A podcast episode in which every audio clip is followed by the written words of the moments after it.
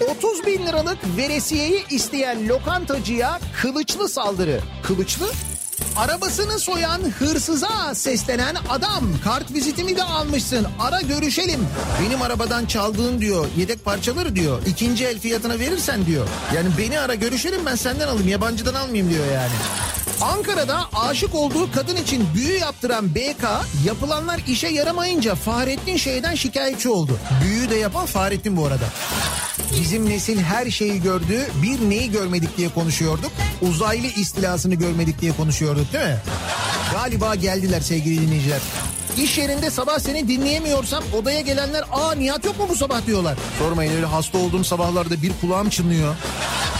Öyle böyle değil. Yani mesela bir yandan öksürürken bir yandan kulak çınlaması nasıl bir şey biliyor musun? Daiki'nin sunduğu Nihat'la muhabbet hafta içi her sabah saat 7'den 9'a Türkiye'nin en kafa radyosunda.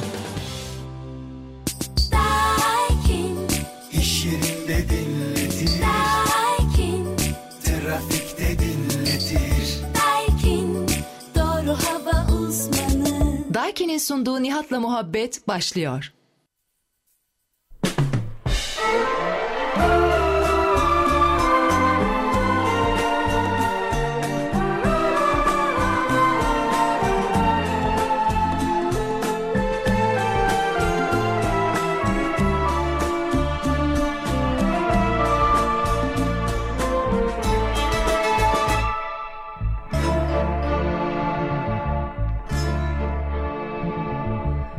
Akşam gözünde aşk tüterse Geçmiş günler aklımdan geçerse Kalbin bomboş ümitler biterse Sen üzülme ben varım. Neler geçti kim bilir Sevgi umdum hep başkalarından. Ağlama gidenlerin ardından. O giderse ben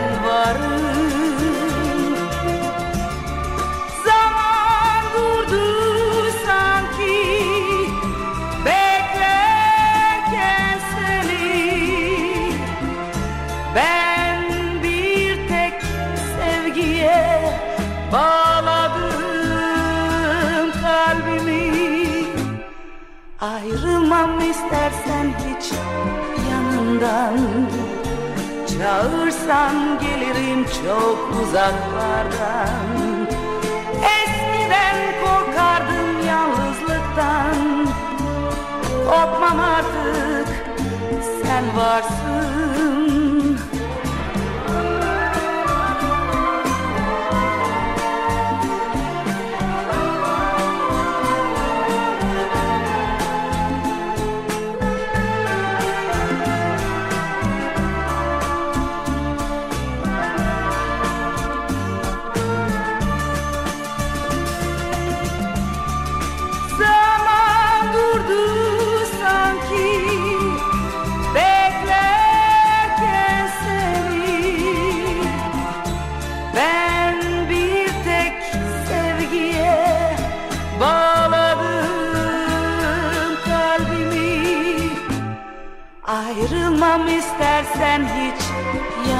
yanından Çağırsan gelirim çok uzaklardan.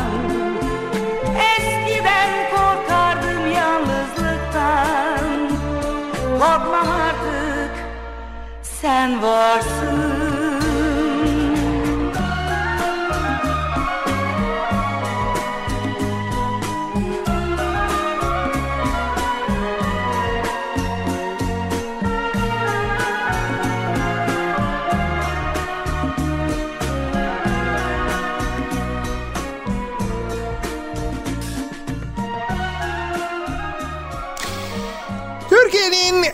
kafa radyosundan, kafa radyodan hepinize günaydın. Yeni günün sabahında ve yeni haftanın başındayız. Pazartesi gününün sabahı, tarih 17 Ağustos. Türkiye'nin yakın tarihinin unutulmaz günlerinden bir yandan hatırlamak istemediğimiz ama bir yandan da aslında hatırlayıp ders çıkarmamız gereken gün 17 Ağustos 1999 depremin üzerinden 21 yıl geçmiş 21. yılındayız. Fakat yaşayanlar için sanki 2 sene 3 sene önce yaşanmış gibi zihninde hiç unutmadığı çok böyle canlı bir yerde duran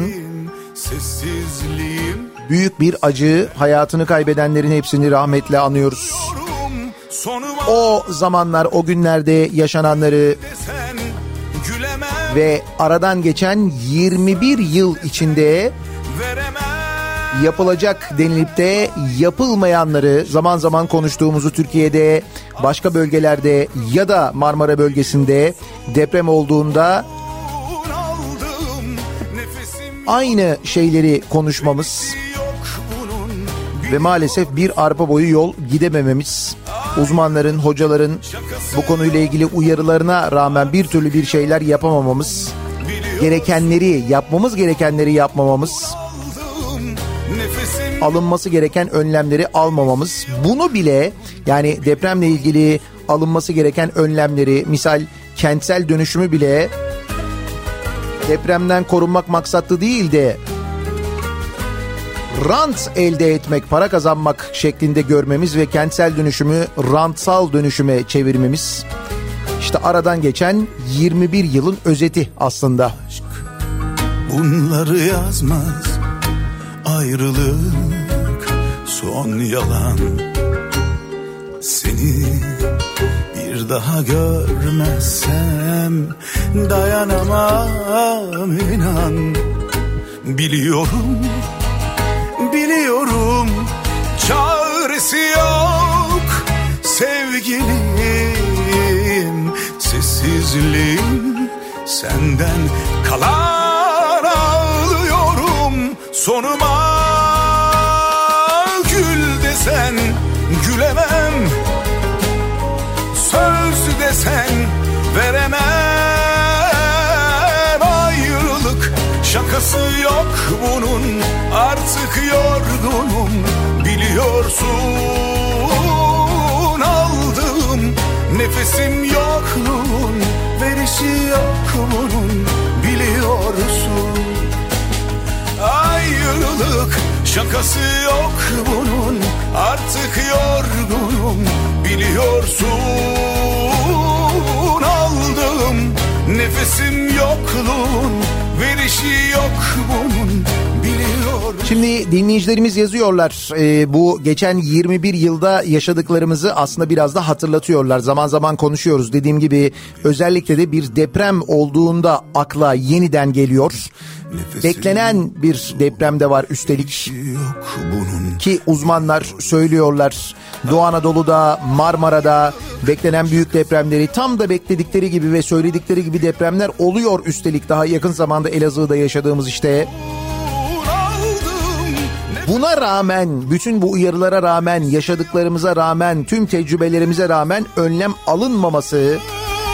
Bırakın onu işte yaşadık mesela bu geçen 21 yılda zaman zaman konusu geçiyor. Sırf oraya bir şey yapılabilsin. Hatta neydi yapılacak olan benzin istasyonuydu. Benzin istasyonu yapılabilsin diye planlardan fay hattının kaldırıldığını gördük biz belediye meclisi kararı ile mesela İstanbul'da Pendik'te bunu gördük bunu yaşadık. Evet bu da oldu doğru.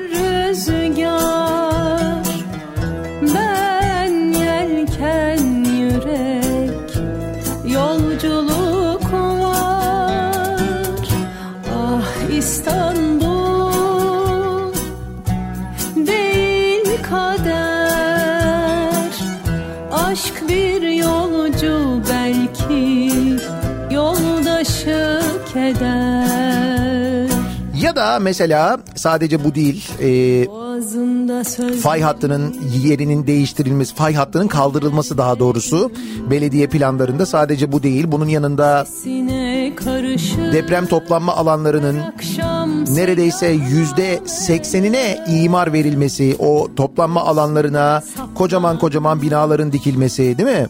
bıçaklar gibi parlar toprağının üstünde aynalılar. Kavuşur iki sevgili karşı kıyıda ve rüzgar buruşturur masmavi tenini. Ve geçen 21 yılda öğrendiğimiz bir şey. Biz konuşuyoruz.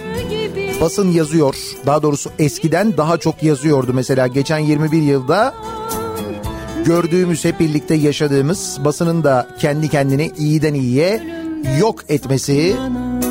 Hani yazıyor yazıyor şeklinde değil de bir karikatürde anlattığı gibi yalıyor yalıyor şeklinde bir basına dönüşmesi artık eskisi kadar bu konulara da önem verilmemesini beraberinde getirdi. Geride bıraktığımız 21 yılda hep birlikte bunları yaşadık. Bugün yaşadıklarımız yani işte pandemi özellikle şu anda yaşadığımız dünya çapında bir salgından bahsediyoruz ve bu salgınla mücadele ediyoruz. Kim bilir belki bu 17 Ağustos geçen 17 Ağustoslara göre biraz daha az depremin konuşulduğu bir 17 Ağustos olacak. Belki hatırlandığı başımızda büyük bir dert olduğu düşünülürse belki öyle olacak. uyanma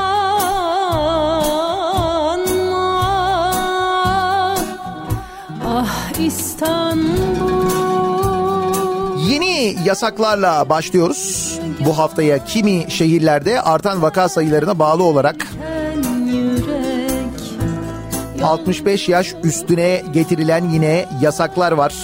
Ah İstanbul Değil kader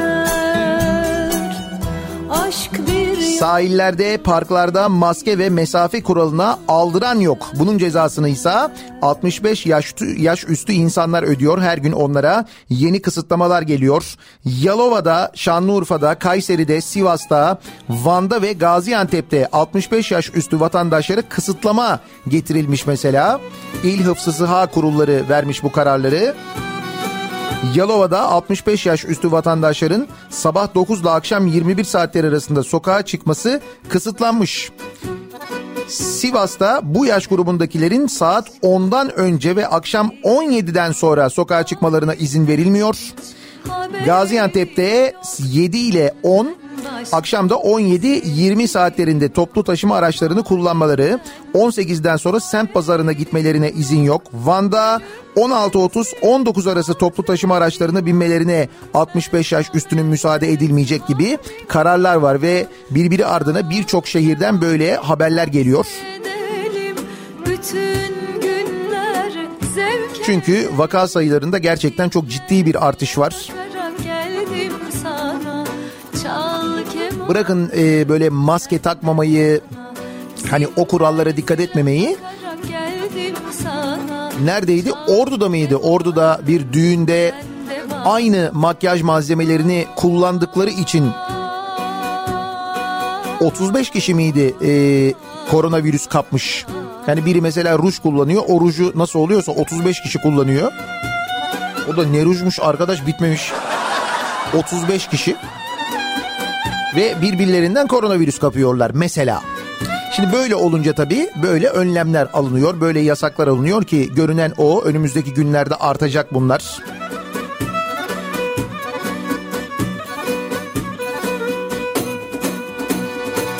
Yandım yandım ben bu candan usandım Pervane gibi ateşte yandım Bu arada Manisa'da da benzer bir karar alınmış. Ben Manisa Valiliği e, 65 yaş ve üzeri vatandaşların 17-20 saatleri arasında toplu taşıma araçlarını kullanmalarını, ilçe pazarlarına da 17.30'dan sonra girmelerini ve birinci derece akrabaları dışındakilerin düğünlerine katılmalarını yasaklamış. Manisa'da da böyle bir karar var.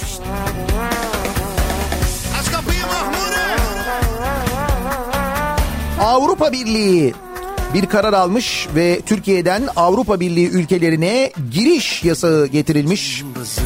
Avrupa Türk vatandaşlarına sadece zorunlu durumlar ve iş vizesi veriyor.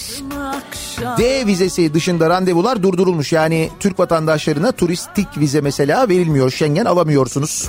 Avrupa Birliği dün böyle bir karar aldı. Bunun yanında İsviçre de aynı uygulamayı yapıyor. Uygulamanın ne zaman kalkacağı belli değil. Türkiye'den Almanya'ya dönenlerin 501 korona virüsü vakası tespit edilmesi işleri iyice zorlaştırmış. Seyahat kısıtlaması durumu var. Yani Avrupa Birliği ülkelerine zorunlu haller dışında gidişe müsaade edilmiyor. Buna yeşil pasaport da dahil onu söyleyeyim. Ha benim yeşil pasaportum var. Vize almama gerek yok ki diyemiyorsun. Çünkü yeşil pasaportluların da seyahat yasağı var. O kapsamda aynı zamanda. Şıkır şıkır şıkırda tıkır tıkır tıkır tıkırda fıkır fıkır fıkır fıkırda mahmure Rastık çekerek mahmure Yastık dikerek mahmure Yaşar yuvada kuş gibi Sek sek sekerek mahmure Ömrümü yedin mahmure Aç kapıyı Aç kapıyı Mahmure. Allah. Ah Mahmure. Bulurken her şey tarihin tenceresinde aşure Kahvede içer keyifle penceresinde Mahmure. Rastık çekerek Mahmure. Karantinada olması gerekirken yolcu otobüsünde yakalandığı haberi var mesela.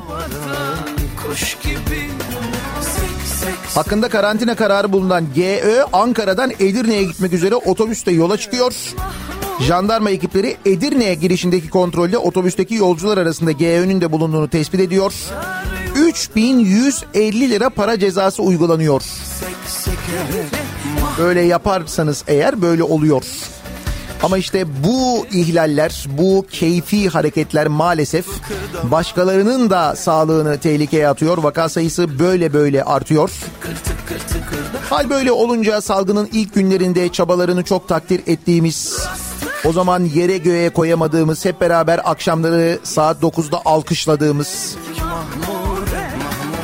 fakat sonrasında e, haklarını doğru düzgün teslim etmediğimiz gibi üstüne şiddet uygulamaya devam ettiğimiz sağlık çalışanları ne yapıyorlar? Onlar da diyorlar ki tükendik diyorlar artık.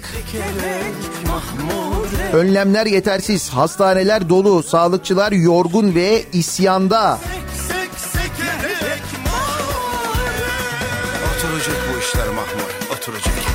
Temmuz'da sağlık çalışanlarında hasta olma oranı arttı. Gaziantep Tabip Odası Başkanı Doktor Ateş Tarla demiş ki 5 ayda 760 sağlıkçı enfekte oldu. Böyle giderse çalıştıracak hekim, personel bulamayacağız. Sağlıkçı tükenmişlik içinde. Psikososyal destek yok. Sağlıkçılar yoruldu. Tayin ya da özele geçmek istiyorlar bu yaşadıkları yüzünden demişler.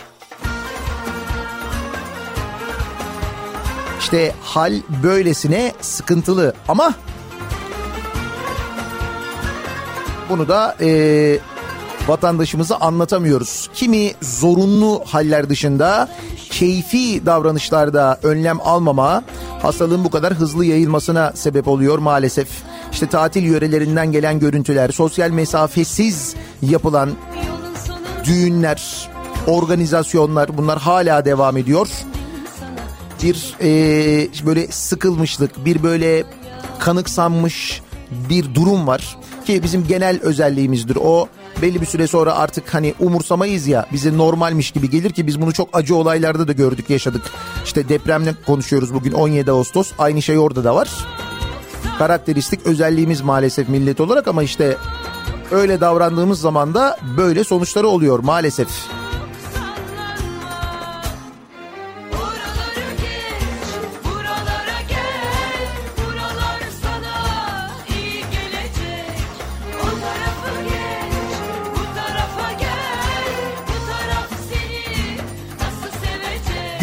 Nihat Bey, günaydın.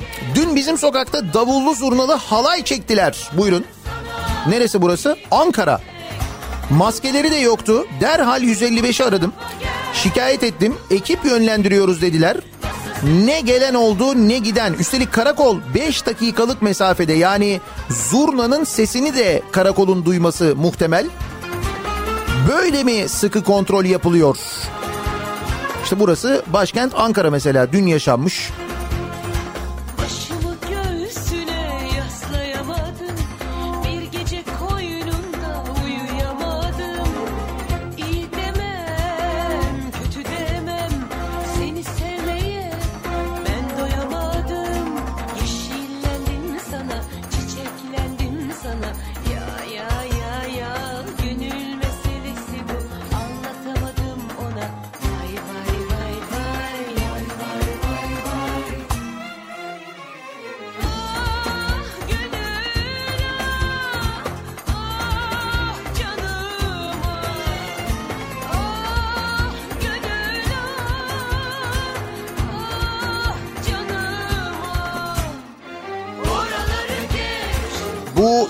Dışı çıkışı daha doğrusu Avrupa Birliği'nin e, Türkiye'ye getirdiği vize yasağı durumu var ya.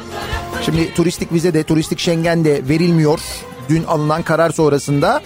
Oldu da yurt dışına çıkmanız gitmeniz gerekti. İşte vizeniz de var. Belki zorunlu bir hal var. Öyle bir durum var. İşte bu yurt dışı çıkışı için istenen korona testi var ya.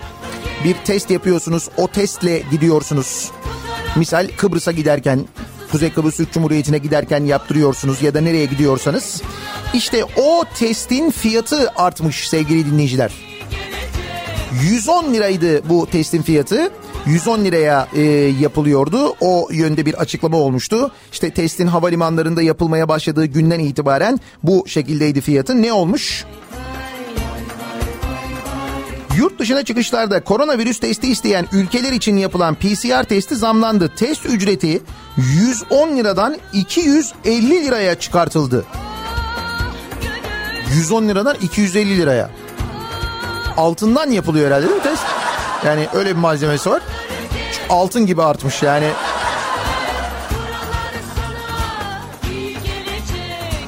Yurt dışına çıkmak için PCR testi yaptırmak isteyenler uçak bileti veya görev kağıdını dilekçesine ekleyerek yetkili laboratuvarlara başvurabilecek. 250 lira.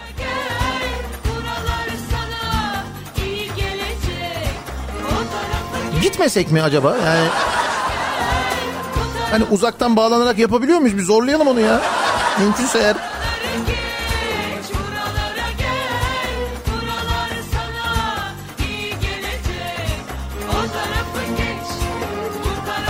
İyisi mi biz kısa mesafe tercih edelim diyenler için pazartesi sabahının trafiğinin durumuna hemen şöyle bir bakıyoruz.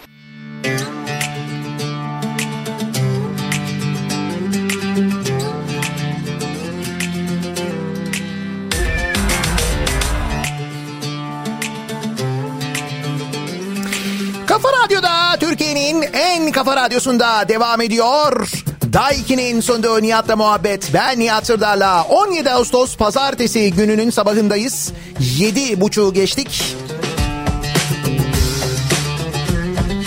Yeni haftaya birlikte başlarken Ağustos ayını da yarılamış hatta geçiyor oluyoruz.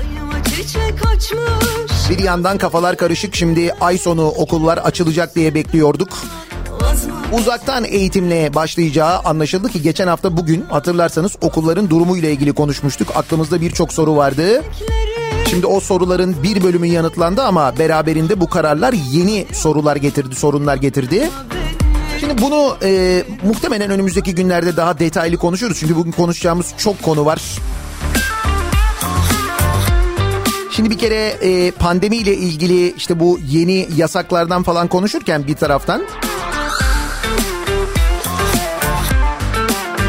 taraftan pandemi öncesinde de aslında zaman zaman konuştuğumuz gündeme getirdiğimiz bilim insanlarının gündeme getirmeye çalıştığı hava kirliliğiyle ilgili bir haber var da zehir soluyoruz.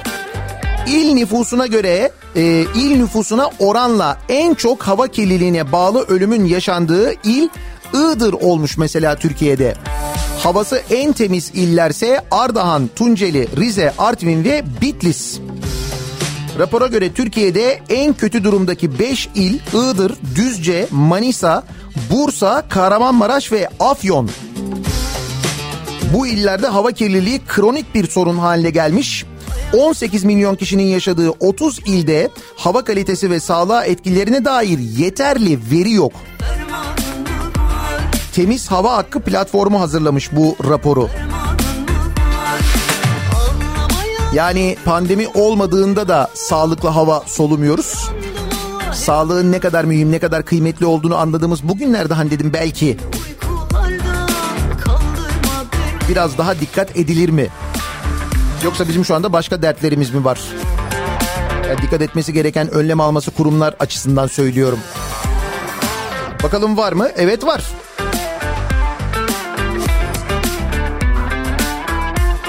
Ne gibi dertlerimiz var mesela? İhaleler var.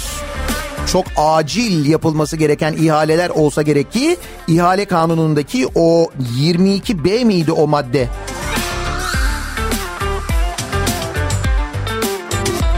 Hani böyle açık ihale şeklinde değil de sen gel sen yap senle bir pazarlık edelim şeklinde maddeler var. Onlar kullanılıyor. O şekilde yapılıyor ihaleler. Misal ki biz bunlara Canikos ihalesi diyoruz. Cami inşaatı ihaleleri AKP'li bankere verilmiş. Banker? Esenler Belediyesi'nin yaklaşık 10 milyon liralık Esenler Tekstil Kent Cami inşaatı ihalesi Banker Kasım olarak tanınan eski AKP ilçe başkan yardımcısı Kasım Albayrak'ın şirketine verilmiş. Banker Kasım AKP'li belediyeden Esenler Belediyesi'nden son 8 yılda yaklaşık 18 milyon liralık cami inşaatı ihalesi almış. Demek ki Esenler'in öncelikli e, ve tekstil kentinde aynı zamanda öncelikli ihtiyacı buymuş ki özellikle bunun için uğraşılıyor, çalışılıyor. Diyorum ya sana bazı öncelikler var. Misal hava kirliliği değil işte bunlar daha önce. Daha önemli bu ihaleler. Ya da mesela e, işte bu maden ihaleleri e, Kaz Dağları ile ilgili geçen sene yaşananları hatırlıyorsunuz. O Kaz Dağları'nın geldiği hali hatırlıyorsunuz. Şimdi zannediyorsunuz ki bir şey yapılmıyor ama durum öyle değil. Cennette kazmadık yer bırakmayacaklar haberi var mesela.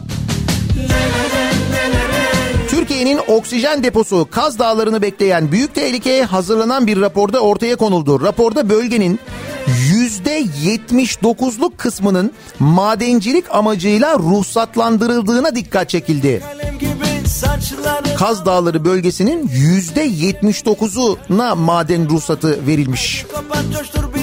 Kaynat kaynat Roma kızı Hoplata zıplata ver gazı ver gazı Tema öncülüğünde hazırlanan rapor. Uzmanların hazırladığı rapora göre Kaz Dağları'nda %79'luk kısmın madencilik faaliyeti yapılacak şekilde ruhsatlandırıldığı öne sürülmüş. Biga Yarımadası ve Kuzey Ege'yi kaplayan 1 milyon 697 bin 62 hektar olarak tanımlanan Kaz Dağları yöresindeki 1 milyon 294 bin hektarlık alan Maden ve Petrol İşleri Genel Müdürlüğü'nden elde edilen verilere göre ruhsatlandırılmış. Yeter artık yeter Zaman kalmadı Tansiyon fırlat Çok acil. Hemen ruhsatlandıralım. Orayı da bitirelim. Bir oranın havası temizli. Orası da kalmasın.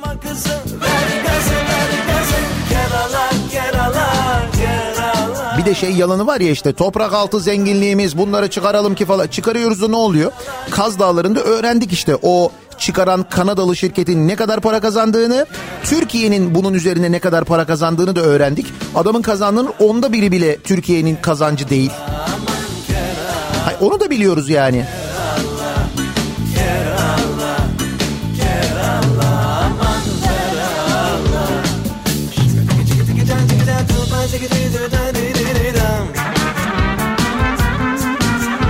Ama yeter ki bizim arkadaşlar yapsın. Tabii. İnşaat varsa bizim arkadaşlar yapsın. Bir ihale varsa bizim arkadaşlar alsın. Yok mu bizden bir arkadaş? Hemen kurduralım bizim kuzene bir şirket. Ona verelim o yapsın. Ama efendim kendisi daha önce böyle bir iş yapmadı. Ya yapar öğrenir herkes arasının karnından restoratör mü doğdu canım? Hiç. Sonuç Sünger Bob Kalesi. Nasıl? Galata'nın duvarını yeniden örmüşler. Hani bu Galata Kulesi'nde geçen hafta çıktı ya e, kırıcı delici makinalarla yıkıyorlardı Galata Kulesi'nin duvarlarını. Sonra dediler ki efendim dediler bu sonradan yapılan bir duvar o yüzden yıkıyoruz. Sonra o duvarı yeniden örmüşler. E ne oldu? Hani sonradan yapılan bir duvarda onun için yıkıyordunuz. Yeniden örmüşler orayı. Peki yeni görüntüleri gördünüz mü? Galata e, Kulesi'nden gelen, Galata Kulesi'nin içindeki çalışmalardan gelen yeni görüntüleri gördünüz mü?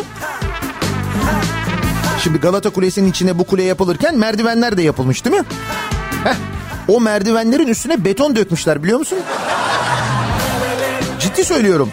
O senin dışarıdan gördüğün pencereler var ya. Şimdi iç duvardan o pencerelere doğru giden böyle bir boşluk var. O boşluğun zeminine beton dökmüşler. Onu gördün mü? Beton beton bildiğin yeni beton dökmüşler böyle. Seviyorlar. Beton seviyorlar. Dökmeden duramıyorlar. Belli bir süre sonra beton dökmeyince böyle ele titreme geliyor. Demek ki öyle bir şey yani.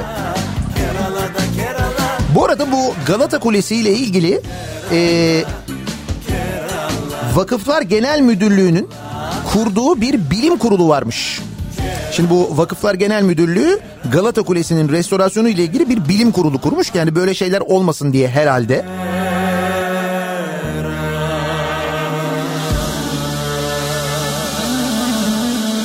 İşte bu e, kurul istifa etmiş e, sevgili dinleyiciler meğerse. Vakıflar Genel Müdürlüğü'nün tarihi kule için kurduğu bilim kurulunun üyesi Mimar Sinan Genim kurulun önceki gün istifa ettiğini açıklamış.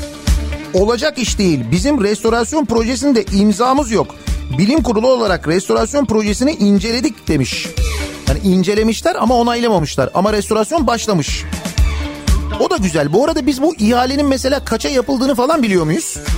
Onu da bilemiyoruz değil mi? Oynuyor suda balık oynuyor kanım sana kaynıyor Bitiyor mu? Bitmiyor. TOKİ projeyi vaha olarak tanıtmış. Fakat sonuç çöl çıkmış.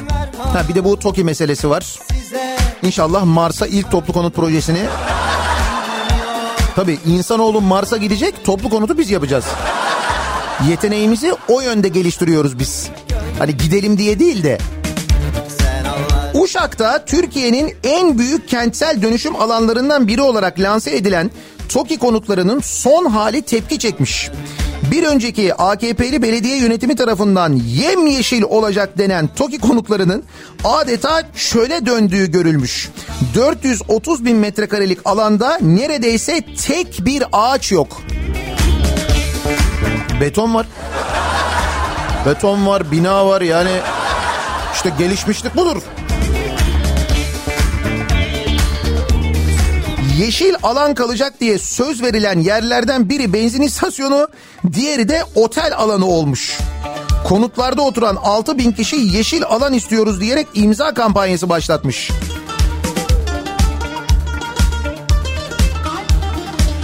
TOKİ ve Yeşil.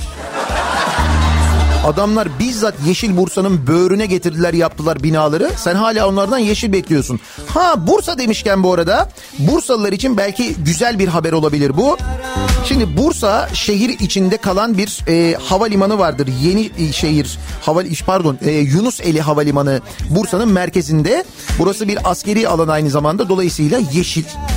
İşte buraya TOKİ e, şek eliyle imara açmayı ve bina yapmayı planlamış Bursa Büyükşehir Belediyesi. Fakat e, Türk Silahlı Kuvvetleri stratejik bir alandır burası demiş ve ranta karşı çıkmış. Bursa Belediyesi şehrin ortasında kalan Yunuseli Havaalanı'na konut yapacakmış. O konutların nasıl yapılacağını tahmin ediyordur herhalde Bursalılar.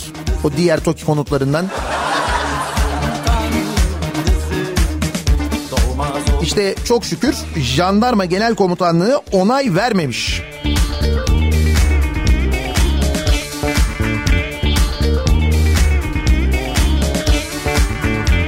Neyse şimdilik geçmiş olsun Bursa. Ama bak şimdilik diyorum bir pay bırakıyorum.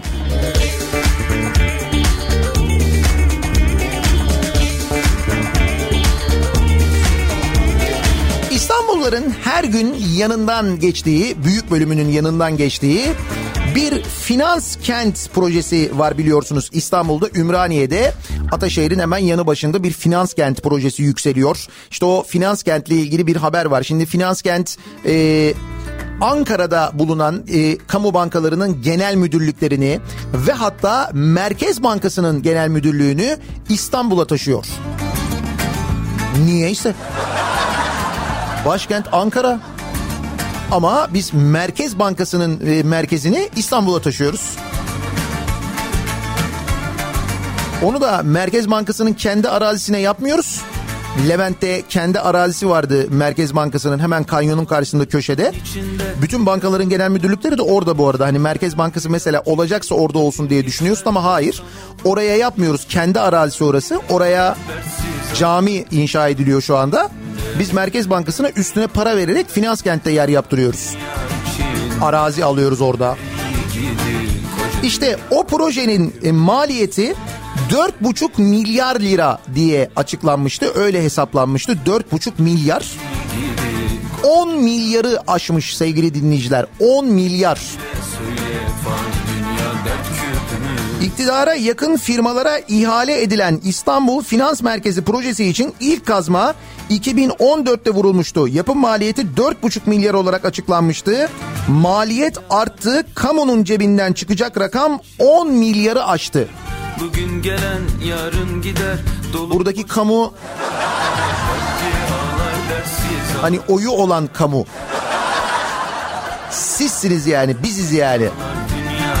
Bir de onlar bittikten sonra oradaki kalabalığı, nüfusu ve o bölgenin trafiğini düşün. O ayrı zaten başlayınca göreceğiz onu. Söyle söyle Çok güzel olacak ya. Bak görürsün. gibi Koca dünyadan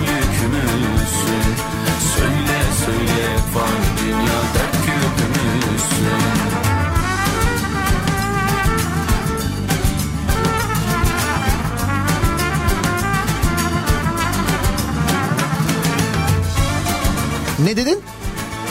Canım bu kadar da olmaz. Öyle mi dedin? Dur ben şunu da okuyayım da ondan sonra... Mesela şöyle bir şey olabilir mi? Türkiye'nin e, bütün böyle kıyılarını düşün. Yani kıyılarını, sahillerini, plajlarını ama böyle ta yukarıdan Çanakkale'den başla. Ne bileyim ben Enes tarafından falan başla mesela. Oradan başla aşağıya doğru in. Çanakkale'si, Çeşme'si, Bodrum'u, Antalya'sı, Muğla'sı. Bir böyle bir düşün. Mesela bütün buraları e, tek bir şirkete vermiş olsalar böyle bir şey olabilir mi sence? Şirket yani limited şirket. Olabilir mi öyle bir şey? Yok canım. Yok artık. Bütün kıyılar tek bir şirketin. Halk isyan ediyor, milletvekilleri meclisi soru yağmuruna tutuyor. Ama Edirne'den Muğla'ya, oradan Antalya'ya bütün sahil bandı Muçev'e verilmeye devam ediyormuş. Muçev diye bir e, şirket varmış. 6 yıl önce faaliyete geçen Muçev adlı şirket bakanlık ve Muğla valiliğine bağlı vakıflar ortaklığında kurulmuş. Yöneticileri arasında kamu görevlileri, bakanlık çalışanları ve Cumhurbaşkanı danışmanı da var. Şirket Edirne, Muğla ve Antalya'da Antalya'da sahildeki sayısız plajın işletmecisi durumunda. Bazı koylar da şirketin kontrolünde. Halk ve muhalefet bu duruma isyan etse de sonuç değişmiyor. Muğla'da Fethiye, Dalyan, Dalaman, Ula'da, Antalya'da, Kaş, Demre, e, Alanya, Edirne'de İğneada, Keşan gibi kıyı bandındaki onlarca noktada plajlar artık Muçev'in. Belediyeleri bypass ederek sahil bandına el koyan şirketle ilgili yöre halkı valiliklerden milletvekilleri soru önergeleriyle bakanlıktan bilgi almaya çalışıyor. Ancak bugüne kadar tek bir satır yanıt gelmemiş. Nasıl Muçev? Sağlam proje değil mi? Güzel. Birilerinin aklına geliyor bu. Oturuyorlar bir gün böyle. Ya biz şimdi mesela bu belediyeler bu plajları falan işletiyorlar ya. E bunu belediyelerden biz alamaz mıyız ya? Zaten belediyeler bu kıyılarda hep böyle CHP'li falan. Vallahi güzel fikir yapabilir. Bakanlık eliyle yaparız ya. Bakanlık aldım bize verdim desin. Biz de bir şirket kuralım oradan. Güzel fikir bunu düşünelim ya. Muçev. Nasıl? Güzel değil mi? Kimselere soramadım İsmi de biraz manidar. Yani Muğla'dan geliyor mu belli de. Muç olunca bir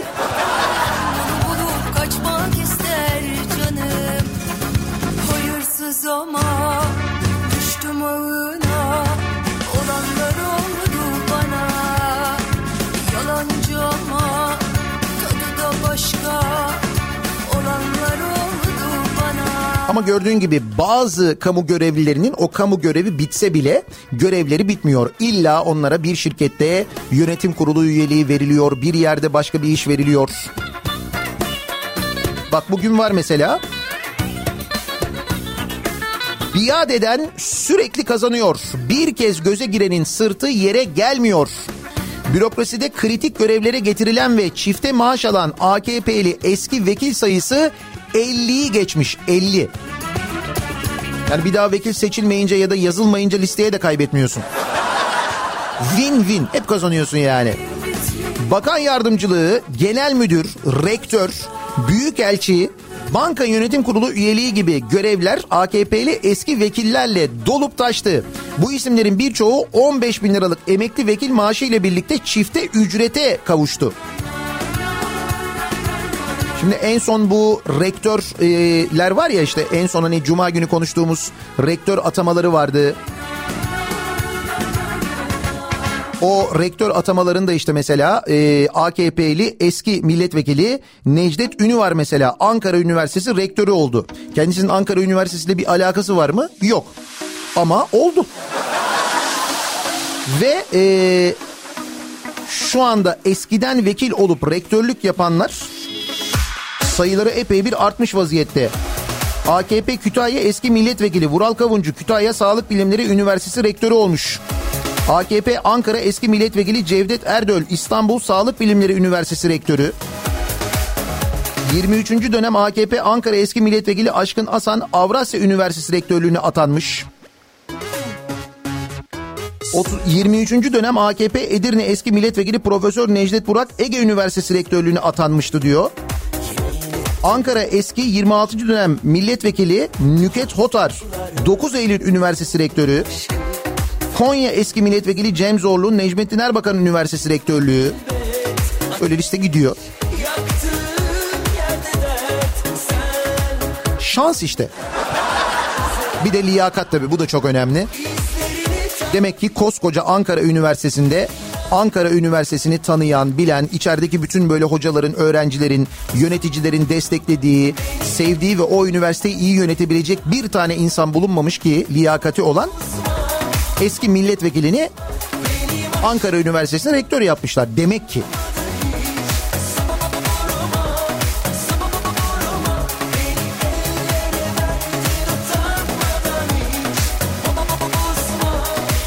Şimdi geliyoruz sıkıntıya. Sıkıntı şu. Daha doğrusu sıkıntı kaynağı şu. Sıkıntı kaynağı evlenmeden birlikte yaşayanlar ve tek yaşayanlar. Tek başına yaşayanlar ve evlenmeden birlikte yaşayanlar işte bunlar sıkıntı kaynağı. Kime göre? Numan Kurtulmuş'a göre. Numan Kurtulmuş tek başına yaşayan yurttaşları sıkıntı kaynağı ilan etmiş. Bu İstanbul e, Sözleşmesi konusunda ilk açıklama yapanlardan bir tanesidir Numan Kurtulmuş. Bu tartışmayı başlatanlardan bir tanesi. Türkiye'de e, işte kadın cinayetleri devam ederken, kadına yönelik şiddet artarak devam ederken bırakın azalmayı bu e, şiddetin önüne ne kadar olursa olsun e, geçebilecek bir işte uygulama sözleşme ki bu İstanbul Sözleşmesi'ni imzaladığımızdan beri doğru düzgün gereğini yerine getirmiş de değiliz aslında. Şimdi ısrarla ve inatla e, bunun üzerine gidiyorlar. İşte o gidenlerden bir tanesi Numan Kurtulmuş diyor ki insanların evliliği gereksiz görmesi, insanların tek başına yaşamaları gibi bir anlayışın geliştirilmesi aileyle ilgili yaşadığımız sıkıntıların önemli kaynaklarındandır demiş. Sıkıntısınız yani. Tek başına mı yaşıyorsun? Büyük problem.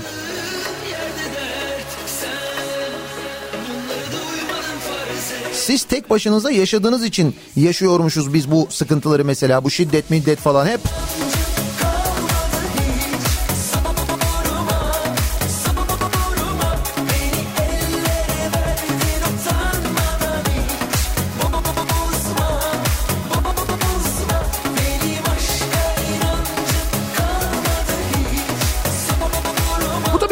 Numan Bey'in sıkıntısının kaynağı ya da onun bir tespiti olabilir.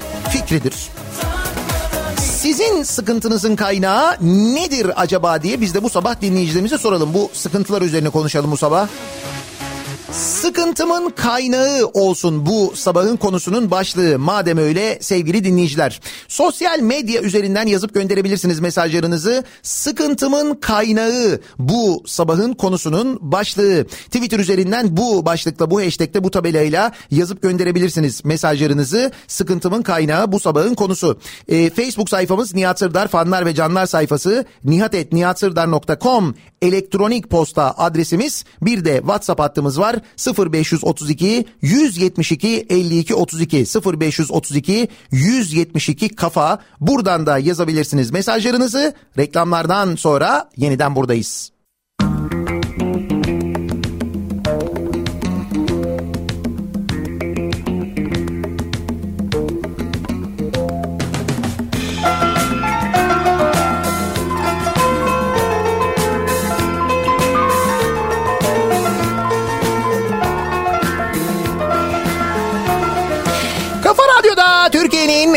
Kafa radyosunda devam ediyor. Daiki'nin sunduğu Nihat'la muhabbet. Ben Nihat Sırdar'la.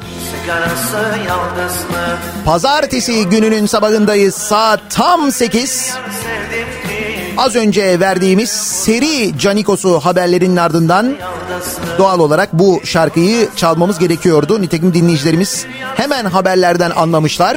O zaman buyurun. Anası da yesin, babası da yesin. Yesin anam yesin, Canikos'u yesin. Anası da yesin, babası da yesin. Yesin anam yesin, Canikos'u yesin. Nitekim yemeğe devam ediyor. Az önce konuştuğumuz haberlerden de anlıyoruz. Ama dönüyoruz sıkıntının kaynağına. Sıkıntımın kaynağı bu sabahın konusunun başlığı sıkıntının kaynağı sıkıntı kaynağı olarak Numan Kurtulmuş evlenmeyenlerin tek başına yaşayanların olduğunu söylüyor. Bu Türkiye'de toplumda aile yapısında sıkıntı yaratıyormuş. Tek başına yaşayan dinleyicilerimizden mesajlar geliyor. Öyle mi sıkıntı kaynağı mıyım ben diye soruyorlar. Evet. Öylesiniz Numan Bey'e göre. Anası da yesin, babası da yesin, yesin anam yesin, canikosu yesin, anası da yesin, babası da Ama tabii sıkıntılar çeşitli. Sizin sıkıntınızın kaynağı nedir acaba diye soruyoruz. anası da yesin. Sıkıntımın kaynağı binalar çürük olabilir diyor Tuncay ama fay hattı olmasa gül gibi her şey mis gibi diye hatırlatıyor bize 17 Ağustos'un tam da yıl dönümünde akaryakıt istasyonu yapabilmek için fay hattını kaldırmışlardı hatırlarsanız. Pendik Belediye Meclisi'nden çıkmıştı sonra bu İstanbul Büyükşehir Belediye Meclisi'ne gitmişti ve İstanbul Büyükşehir Belediye Meclisi de fay hattını planlardan kaldırmıştı. Depremle mücadelede yeni bir yöntemi böylelikle öğrenmiş olmuştuk. Evet. Sıkıntının kaynağını orada kaldırdık mesela. Fay hattını plandan kaldırdık çözdük yani.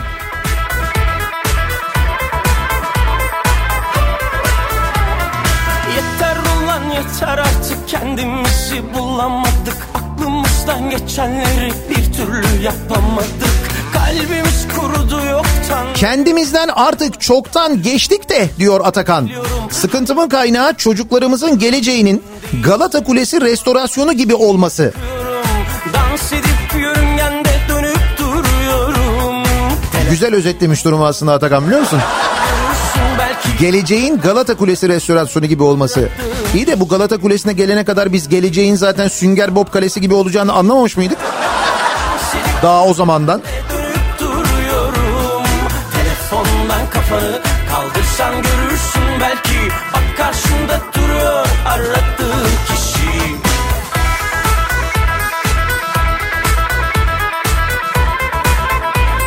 Sıkıntımın kaynağı sürekli gündem değiştirmeye çalışan tipler. Mutfaklar yangın yeri. insanlar evine ekmeği zor götürüyor.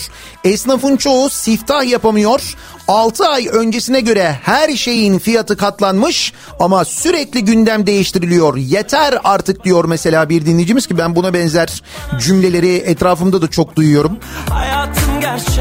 Yani gündem ne şekilde değiştirilse değiştirilsin ki buna Ayasofya'nın cami yapılması da dahil. Buna Joe Biden'ın şimdi Amerika Başkan adayının kafanı 7 ay önce yaptığı bir açıklamanın bugün söylenmiş gibi gündeme getirilmesinin ki bu arada 7 ay önce o açıklamayı yaptığında o açıklamayı Anadolu Ajansı bile haberleştirmiş. Basında çıkmış. O zaman kimse bir şey dememiş. 7 ay önce. Şimdi bir anda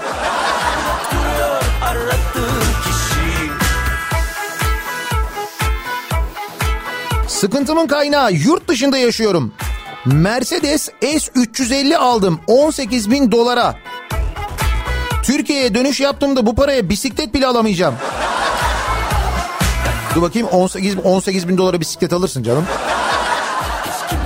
Gerçi bu ara bulunmuyor bisiklet o doğru da. Cidden bisiklet bulamıyorsun ha.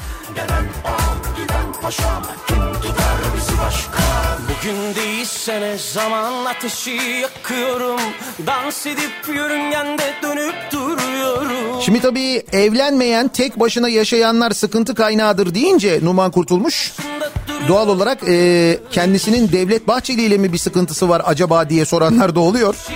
Öyle ya Devlet Bahçeli de mesela evlenmemiş tek başına yaşıyor. Gayet normal doğal olabilir. Niye sıkıntı olsun mesela?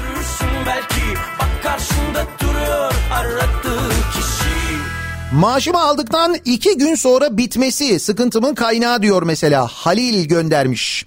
Cebimde 100 lira var. Ay sonu baldızın düğünü ay başına 18 gün var daha ne olsun diyor Alper göndermiş. Ben tek başıma yaşıyordum. Annem sıkıntı yaratma yanıma yerleş dedi. Şu anda sıkıntısızız diyor Cüneyt. Bak çözen de var bunu. İçimizi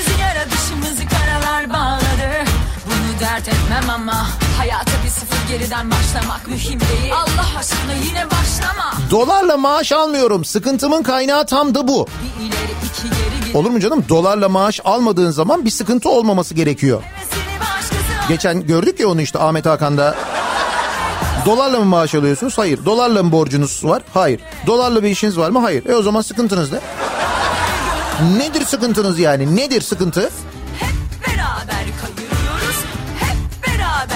Dövizdeki artış zam yağmuruna dönüyor. Başta gıda ürünleri olmak üzere her şeye zam olarak yansıyor döviz artışı. Şimdi geçen gün biz dolarla işimiz ne diye konuşurken hatırlarsanız neler neler dolarla alınıyor. Bunların doğal olarak tüketiciye fiyat olarak yansıması olacak diye konuşuyorduk ya. Dur bak ben sana bir örnek daha vereyim dolarla. Çekirdek çitlemek bile dolarla. Ya. Çin'den ithal ediliyor. Kuru yemiş fiyatlarında yüzde 60'a varan artışın arkasından dolar çıktı. Ankara Kuru Yemişçiler ve Kahveciler Odası Başkanı Aytaç Sevimli demiş ki Türkiye artık leblebiyi bile ithal etmeye başladı. Ve bil bakalım leblebiyi neyle ithal ediyoruz? Öpücükle değil tabii yani. Dolarla ithal ediyoruz işte. beraber sıyırıyoruz Hep beraber kayırıyoruz Hep beraber deliriyoruz Delir Deli deli deli Deli deli deli Deli deli gönlümü deli Deli deli deli Deli deli deli Kardeşim ben işsizim. TL ile de almıyorum maaşımı. Benim hiç sıkıntım yok. Oo sizinki en güzeli ha biliyor musun? Deli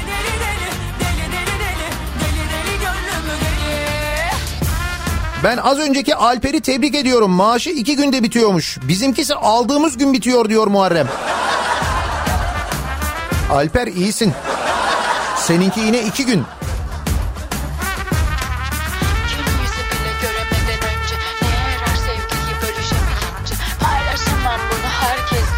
Abi ben evliyim. Eşim köyde annesinin yanında. Ben de şu an tek yaşıyorum. Sıkıntı olur mu diyor Samet. Sametçim kısmen sıkıntı yaratıyorsun bence.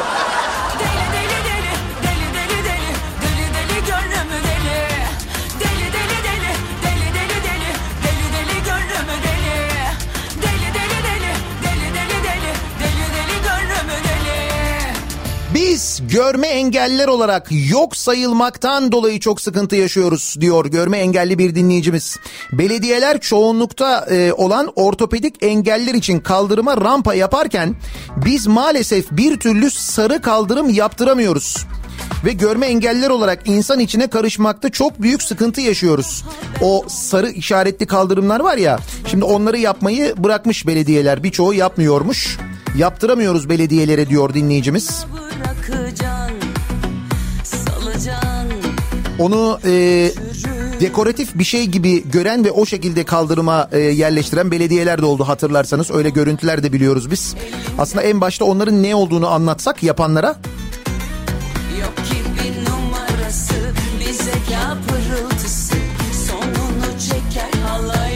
sıkıntımın kaynağı buzdolabı almayanlar.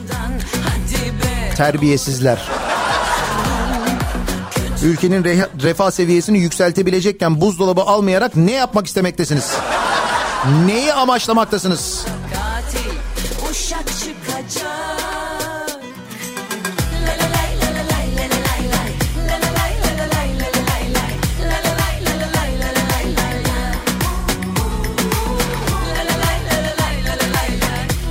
Başına yaşıyorum. Devlete avuç dolusu vergi veriyorum. Özel sağlık sigortam var. Sağlık bütçesine de sıkıntı değilim. Çocuğum yok. Eğitim bütçesine sıkıntı değilim. Bordroluyum. Maliye Bakanlığı'na sıkıntı değilim. Yasak ilişkim de yok. Müge Anlı'ya da sıkıntı değilim. Hayır benim evlenmem bu devlete niye bu kadar sıkıntı oldu onu çözemedim diyor bir dinleyicimiz. Hadi buyurun.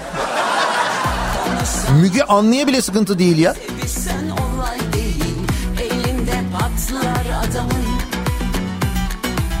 Yok ki bir numarası, bir zeka. Sonunu çeker alayın.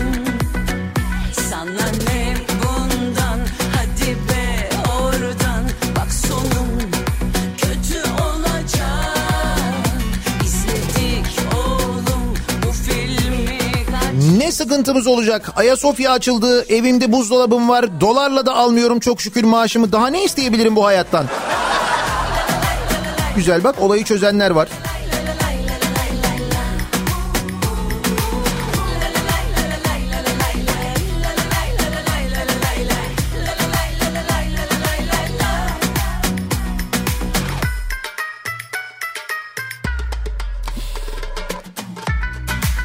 Kızın babası bu sene pandemiden dolayı vermeyip seneye yapalım dedi düğünü. Suç benim mi?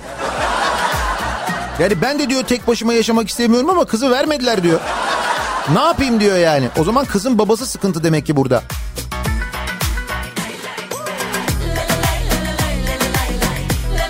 Sıkıntımın kaynağı ekonomidir. Maddi sıkıntı, işsizlik, borç ödeyememe, haciz bunlara bağlı olarak sağlık problemleriyle bekarlara kötü örnek oluyoruz. Bizim gibi örnekleri görüyorlar o yüzden evlenmiyorlar. Para var, huzur var diye boşuna dememişler. Her şeyin ba- başı özür dilerim sağlık denilse de artık sağlıklı olabilmek için en basiti parayla alabileceğimiz buzdolabımızı doldurmamız gerekiyor ki beslenebilelim. Ama işsiz ve borçlu olunca o da olmuyor işte.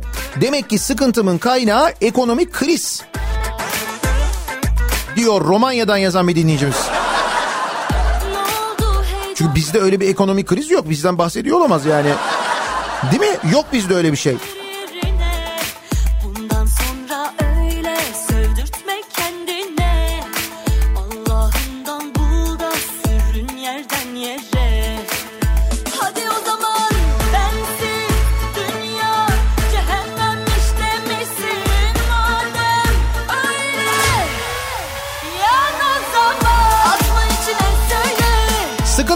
Kaynağı ülke ve vatandaş ayrına harcanması gereken paraların şatafat ve yandaş müteahhitlere pompalanması olabilir mi?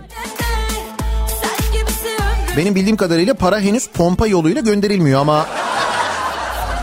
Şimdi bu paraya bakınca doğru demin konuşmuştuk ya hani bu 4,5 milyar liralık projenin maliyeti 10 milyarı aşmış. Şu Ataşehir'de yapılan finans kent var ya. Ha, onun maliyeti 10 milyarı geçmiş.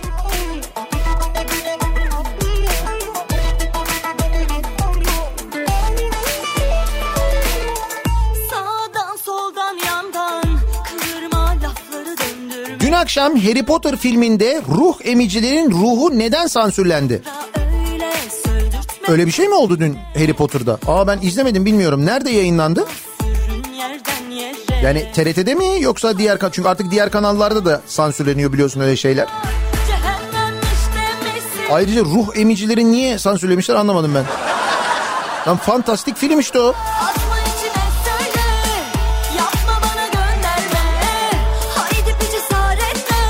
Tırcıyım diyor İlhan. Yalnız yaşıyorum, tırda kalıyorum. Yarın öbür gün maaşıma haciz getirmesinler. Hay yok mu evlenmek isteyen sıkıntı olacaksa hemen basarım nikah yani.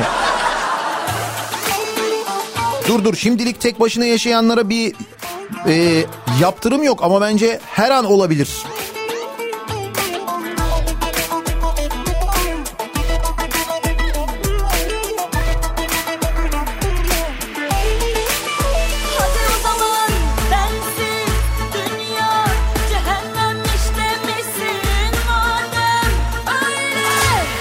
Sıkıntımın kaynağı Almanya diyor Serap. Niye?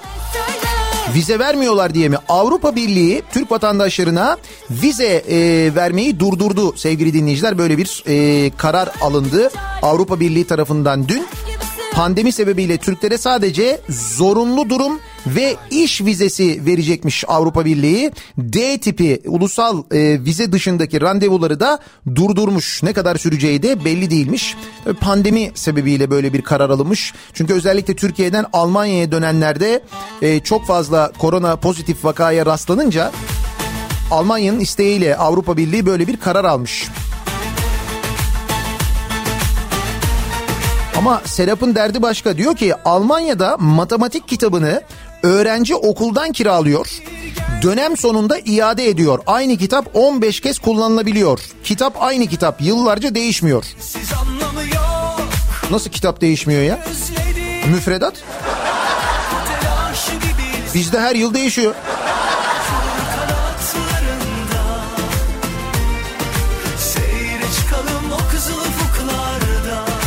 Sıkıntımın kaynağı ülkedeki bütün ihaleleri alan topu topu 5 firmanın vergi şampiyonları listesinde görememek.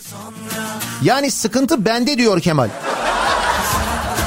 Evet siz göremiyorsanız biz ne yapalım yani dikkatli bakın.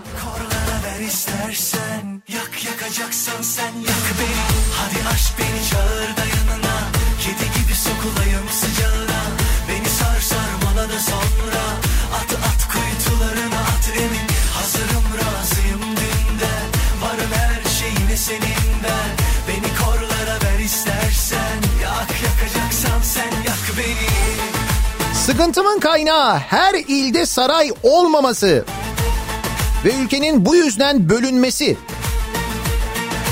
Ya şimdilik her ilde yok ama olur yakında yani.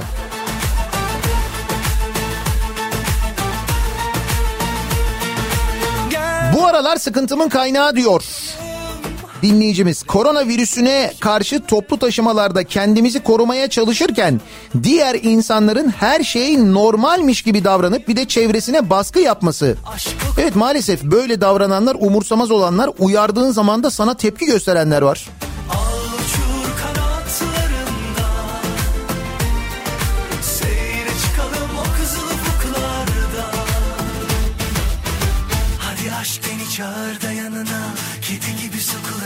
Sıcağına Beni sar sarmala da sonra At at kuş Şav bela tutmadı. Ayasofya yetmedi.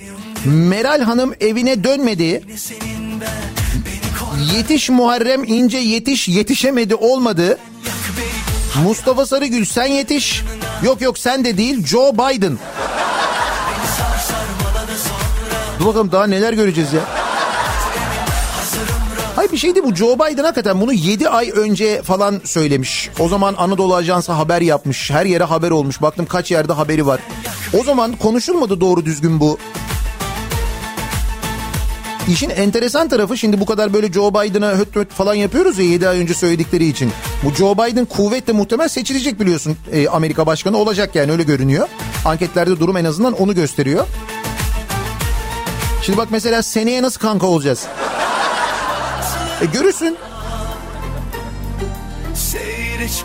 Kasım'da Amerikan seçimleri olsun. Joe Biden Amerika başkanı seçilsin. Bak ondan sonra ne oluyor? Bugün bu demeçleri verenler, açıklayanlar, konuşanlar falan var ya.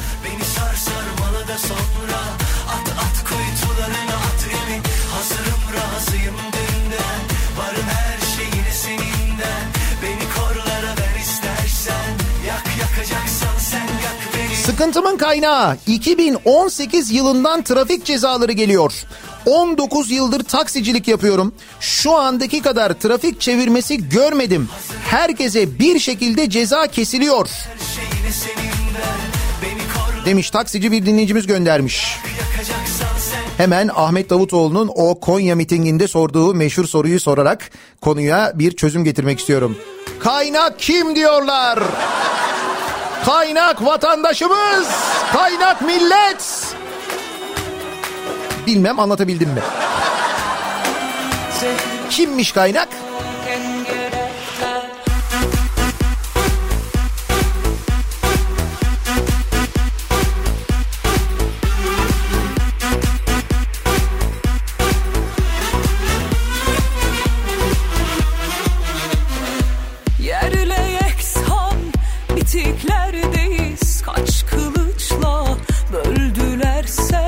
Benim sıkıntımın kaynağı malum. Pandemi, iş hayatı, ekonomik gerek, gerçekler ve gelecek kaygısı. Lakin İstanbul'un sıkıntıları bitmek bilmiyor. Yine ne oldu İstanbul'da? Ha son günlerde konuşulan bir başka konu. Hani bu İstanbul'a ihanet ettik tartışmaları vardı bir yere hatırlar mısınız? Özellikle bu İstanbul'un silüetini bozan yapılarla ilgili. Hatta bu Zeytinburnu'ndaki o 16-9 kuleleri, binaları ile ilgili konuşuluyordu. Hatta sonra bununla ilgili yıkılma kararı çıktı ama yıkmadılar. Sonra işte imar affı bilmem ne falan filan yırtıldı. Artık onun da yürürlüğü kalmadı. Boşanmış senlere Şimdi göz göre göre yine İstanbul'da bir silüet katliamı yaşanıyor. İstanbul Tophane'de denizin hemen kıyısına yapılan proje 194 yıllık tarihi camiyi şehrin silüetinden sildi. Nusretiye Camii bir zamanlar İstanbul Boğazı'ndan bakıldığında rahat bir şekilde görülüyormuş. Şimdi önüne bir otel inşaatı yapılıyor bu Galata Port projesi kapsamında.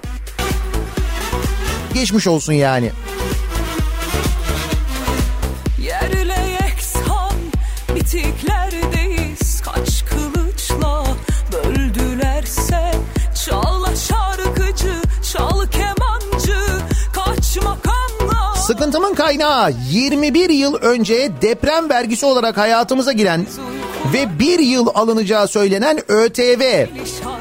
ÖTV'yi hayatımızdan çıkarttığımızda sıkıntımızın kaynağını belki bir nebze azaltabiliriz diye hatırlıyor Mehmet. Bak tam da 17 Ağustos'un yıl dönümündeyiz. Hatırlıyor musunuz 17 Ağustos sonrası bir seferliğine mahsus olarak getirilen e, ÖTV'yi ki o zaman deprem vergisi diyorduk biz ona. Ve biz 21 yıldır ödemeye devam ediyoruz. 21 yıl. Boşanmış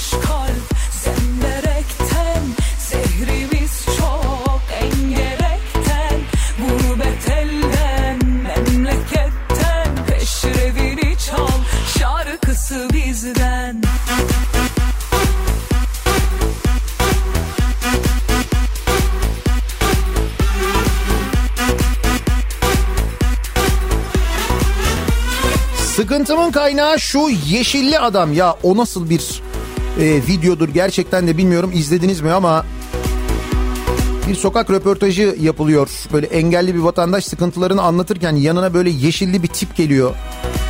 Ya hakikaten Neyse o tipi boş verin de ya boş verin derken onlardan çok var. Asıl sıkıntımızın kaynağı gerçekten o tipler yani o kafa o zihniyet asıl bizim sıkıntımız ama umuyorum bu videodan sonra bu dertlerini anlatan, sıkıntıları anlatan adama e, bir yardımda bulunulur ki bulunulmuş bildiğim kadarıyla irtibata da geçilmiş onunla. Ama gerçekten o yeşilli tip sıkıntımızın kaynağı çok net. Sıkıntımın kaynağı 5 yıldızlı oteli olmayan Ayder Yaylası. Merak etmeyin orası da yakında geçmiş olsun. Çok az kaldı yani.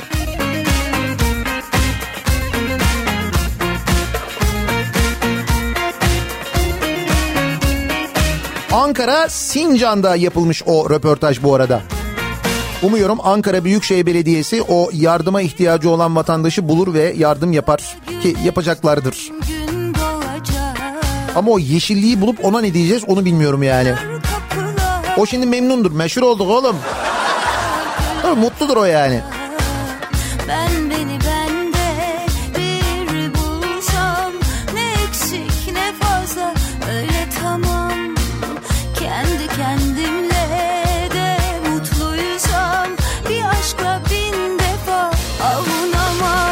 Beyciğim günaydın. Yıllardır anneciğimle yaşıyordum. 4 yıl önce rahmetli oldu kendisi.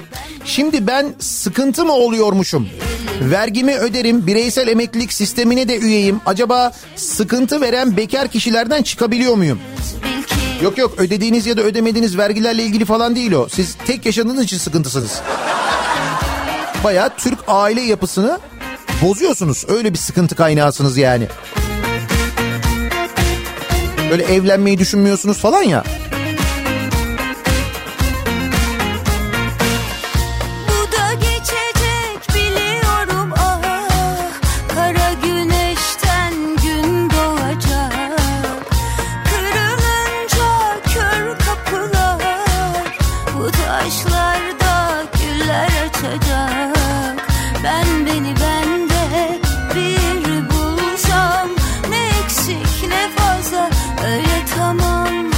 Sıkıntımın kaynağı maske takmayanlar. Taksa da burnuna takma, e, takmayanlar.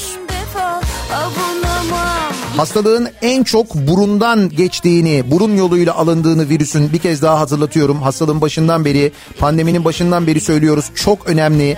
Biliyorum sıcak, biliyorum rahatsız oluyorsunuz ama o zaman o maskeyi takmanın bir manası olmuyor burnunuza da takmadığınız zaman. Yakandan Sıkıntımın kaynağı kardeşim bir türlü evlenmiyor.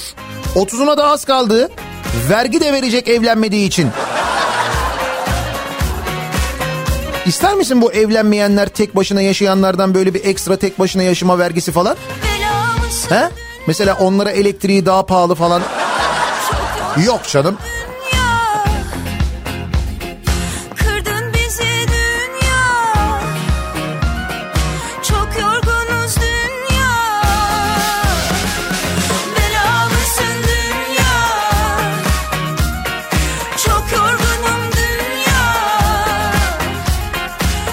Sıkıntımın kaynağı bu sabahın konusunun başlığı. Neden bu konuyu konuşuyoruz? Numan Kurtulmuş. Tek başına yaşayan yurttaşları sıkıntı kaynağı olarak değerlendirmiş. Biz de bunun üzerine konuşuyoruz. Acaba sizin sıkıntınızın kaynağı nedir diye soruyoruz dinleyicilerimize. Reklamlardan sonra yeniden buradayız. Bir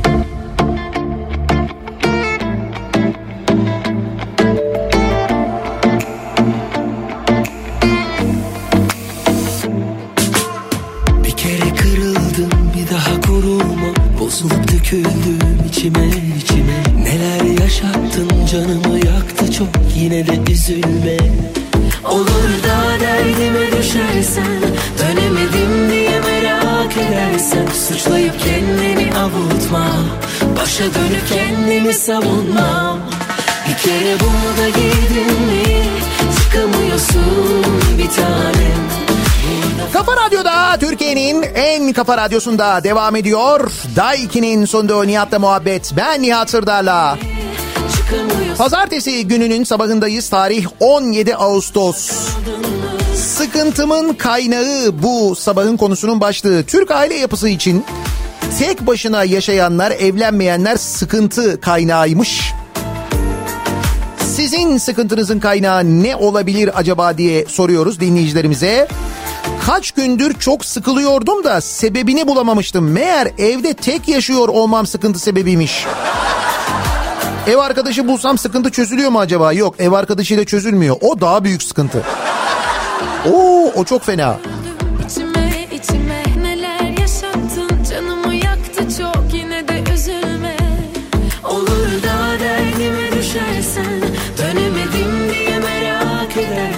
Suçlayıp Başa dönüp kendimi savunmam. Bir kere bunu da giydin mi? Çıkamıyorsun bir tanem. Burada Sıkıntımın kaynağı pandemi sürecinde zorunlu olmayan iş yerlerinin tatil edilmemesi. Google 2021 Temmuz'una kadar uzattı evden çalışma uygulamasını diyor mesela. Manisa'dan Pınar göndermiş. Çekiniyorsun aşktan Boşandım, kızımla yaşıyorum. Acaba sıkıntı kaynağı mıyım merak ediyorum. Bence öylesiniz. Niye evlenmiyorsunuz? Ben şimdi karşı tarafın mantığıyla düşünmeye çalışıyorum da o yüzden. Ben öyle düşünmüyorum elbette.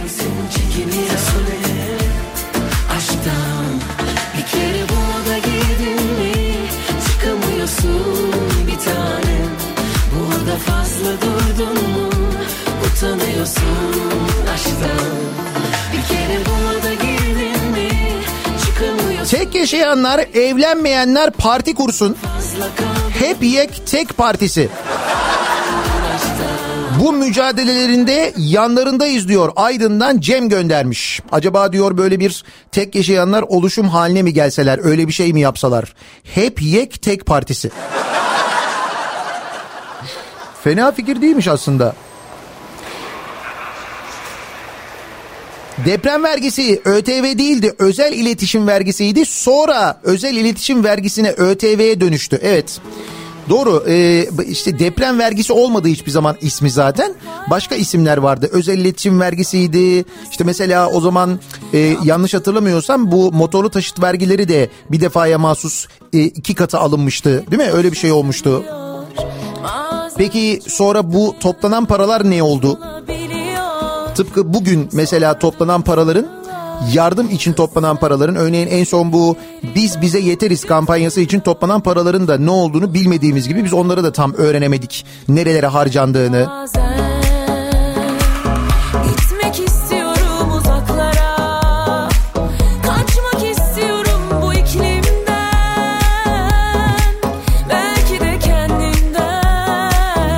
Evet boşananlardan çok mesaj geliyor. Boşananlar bir sıkıntı oluşturuyor mu?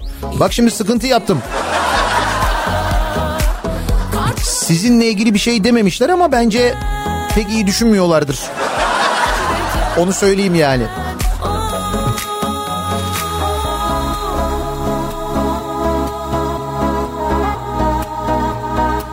İzmir'de bizi dinleyenler hepinize günaydın. Kavuşuyoruz İzmir'le. Önümüzdeki hafta İzmir'e geliyoruz. Vay be İzmir'e yani bu kadar uzun zamandır gitmeyeli herhalde böyle bir 20 yıl falan olmuştur. Önümüzdeki hafta salı günü İzmir'deyiz. Hem yayın için geliyoruz hem de İzmir'de Fuar Açık Hava Tiyatrosu'nda açık havada tabii ki pandemi koşullarına uygun olarak sosyal mesafeli aralıklar bırakılmış halde Fuar Açık Hava Tiyatrosu'nda Suna Yakın'la birlikte sahneye çıkıyoruz. Sivrisinek dediğinde aklıma geldiği isimli gösterimizle Sivrisinek, ben ve Suna Yakın Şöyle sizi mümkün olduğunca bu gündemden sıkıntılardan uzaklaştıracak, güldürecek, eğlendirecek ve bilgilendirecek elbette. Güzel bir gösteri yapmayı düşünüyoruz. İzmir'de iseniz haftaya salı akşamı bekleriz. 25 Ağustos Salı akşamı Fuar Açık Hava Tiyatrosu'ndayız. Şimdi bu haftadan itibaren Fuar Açık Hava Tiyatrosu gişesinden de temin edebilirsiniz biletleri. Biletix'ten de aynı şekilde temin edebilirsiniz. Sonra 12 Eylül'de de Antalya'ya geliyoruz. 12 Eylül'de de Antalya Konyaaltı Açık Hava Tiyatrosu'nda olacağız.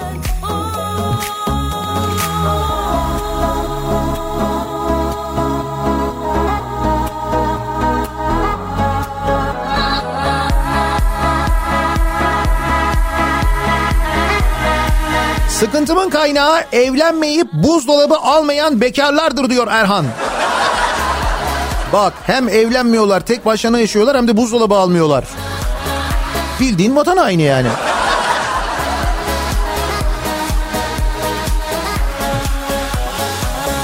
Nihat Bey ben evlendim ama bekar arkadaşlarıma evlenmeyin diye arada tavsiye verdiğim oluyor.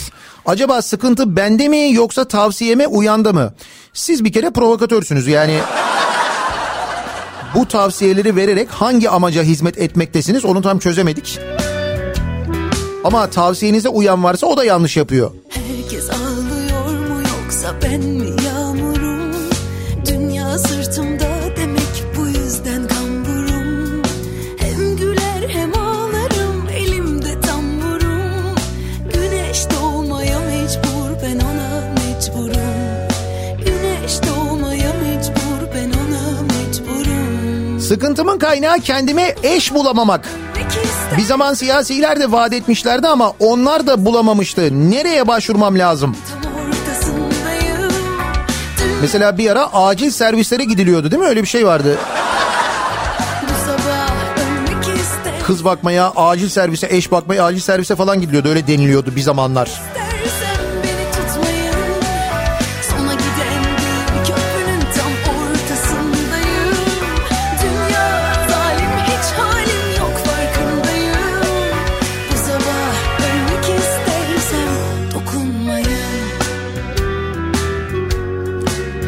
sıkıntımın kaynağıysa kendi işine bakmak yerine başkasının özel hayatına burnunu sokan insanlar diyor Deniz. Yatağımda birkaç tel daha beyaz var. Şakağımda Tanıdık sevdalar gömdüm. Faili meçhul Sil beni çok kirliyim. Sil beni İstanbul Sil beni çok kirliyim. Sil beni İstanbul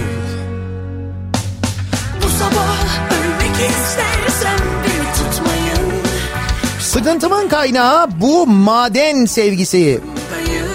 Şimdi Cem e, Seymen yazmış. Bir ülke için en değerli madenin insan olduğunu anlamıyorlar. Güzelim Kaz Dağlarımızı yabancı şirketler talan ediyor. Uşak'ta 18, Aydın'da 12, Muğla'da 15, Denizli'de 12 yeni maden ihalesi açılıyor. Kendi ölümümüzü satın alıyoruz. Her yer talan, her yer yangın yeri. Doymuyorlardı. Doymuyorlardı. Ama sorsan sıkıntının kaynağı biziz öyle mi?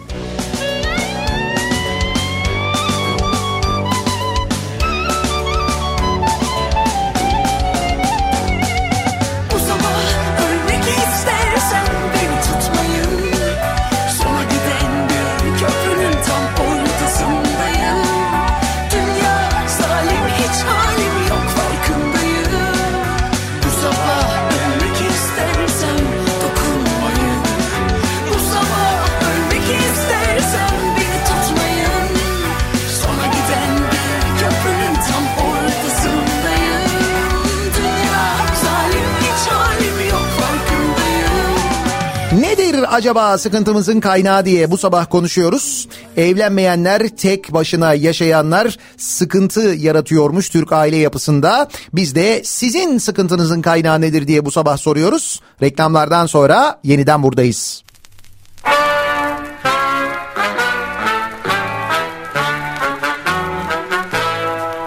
Ne mutlu tek başımaydım Rüyadan çabuk uyandım Ne mutlu yalnız yaşardım. Her şey geç artık anladım. Ah bekarlık ah sultanlık. Bak bana oldu çok yazık. Ah bekarlık ah sultanlık. Bak bana oldu çok yazık. Bak evlendim girdim dünya evine Acısınlar zavallı Berkant'a Biricik kaynanam dostlar başına. İşte ben şimdi dertli bir koca. Arkadaşlar beni yaktılar. Acımadan bak ateşe attılar. Sana güzel bir kız bulduk diye Aklımı çeldiler. Bak beni yendiler. Ah bekarlık ah sultanlık Bak bana oldu çok yazık Ah bekarlık ah sultanlık Bak bana oldu çok yazık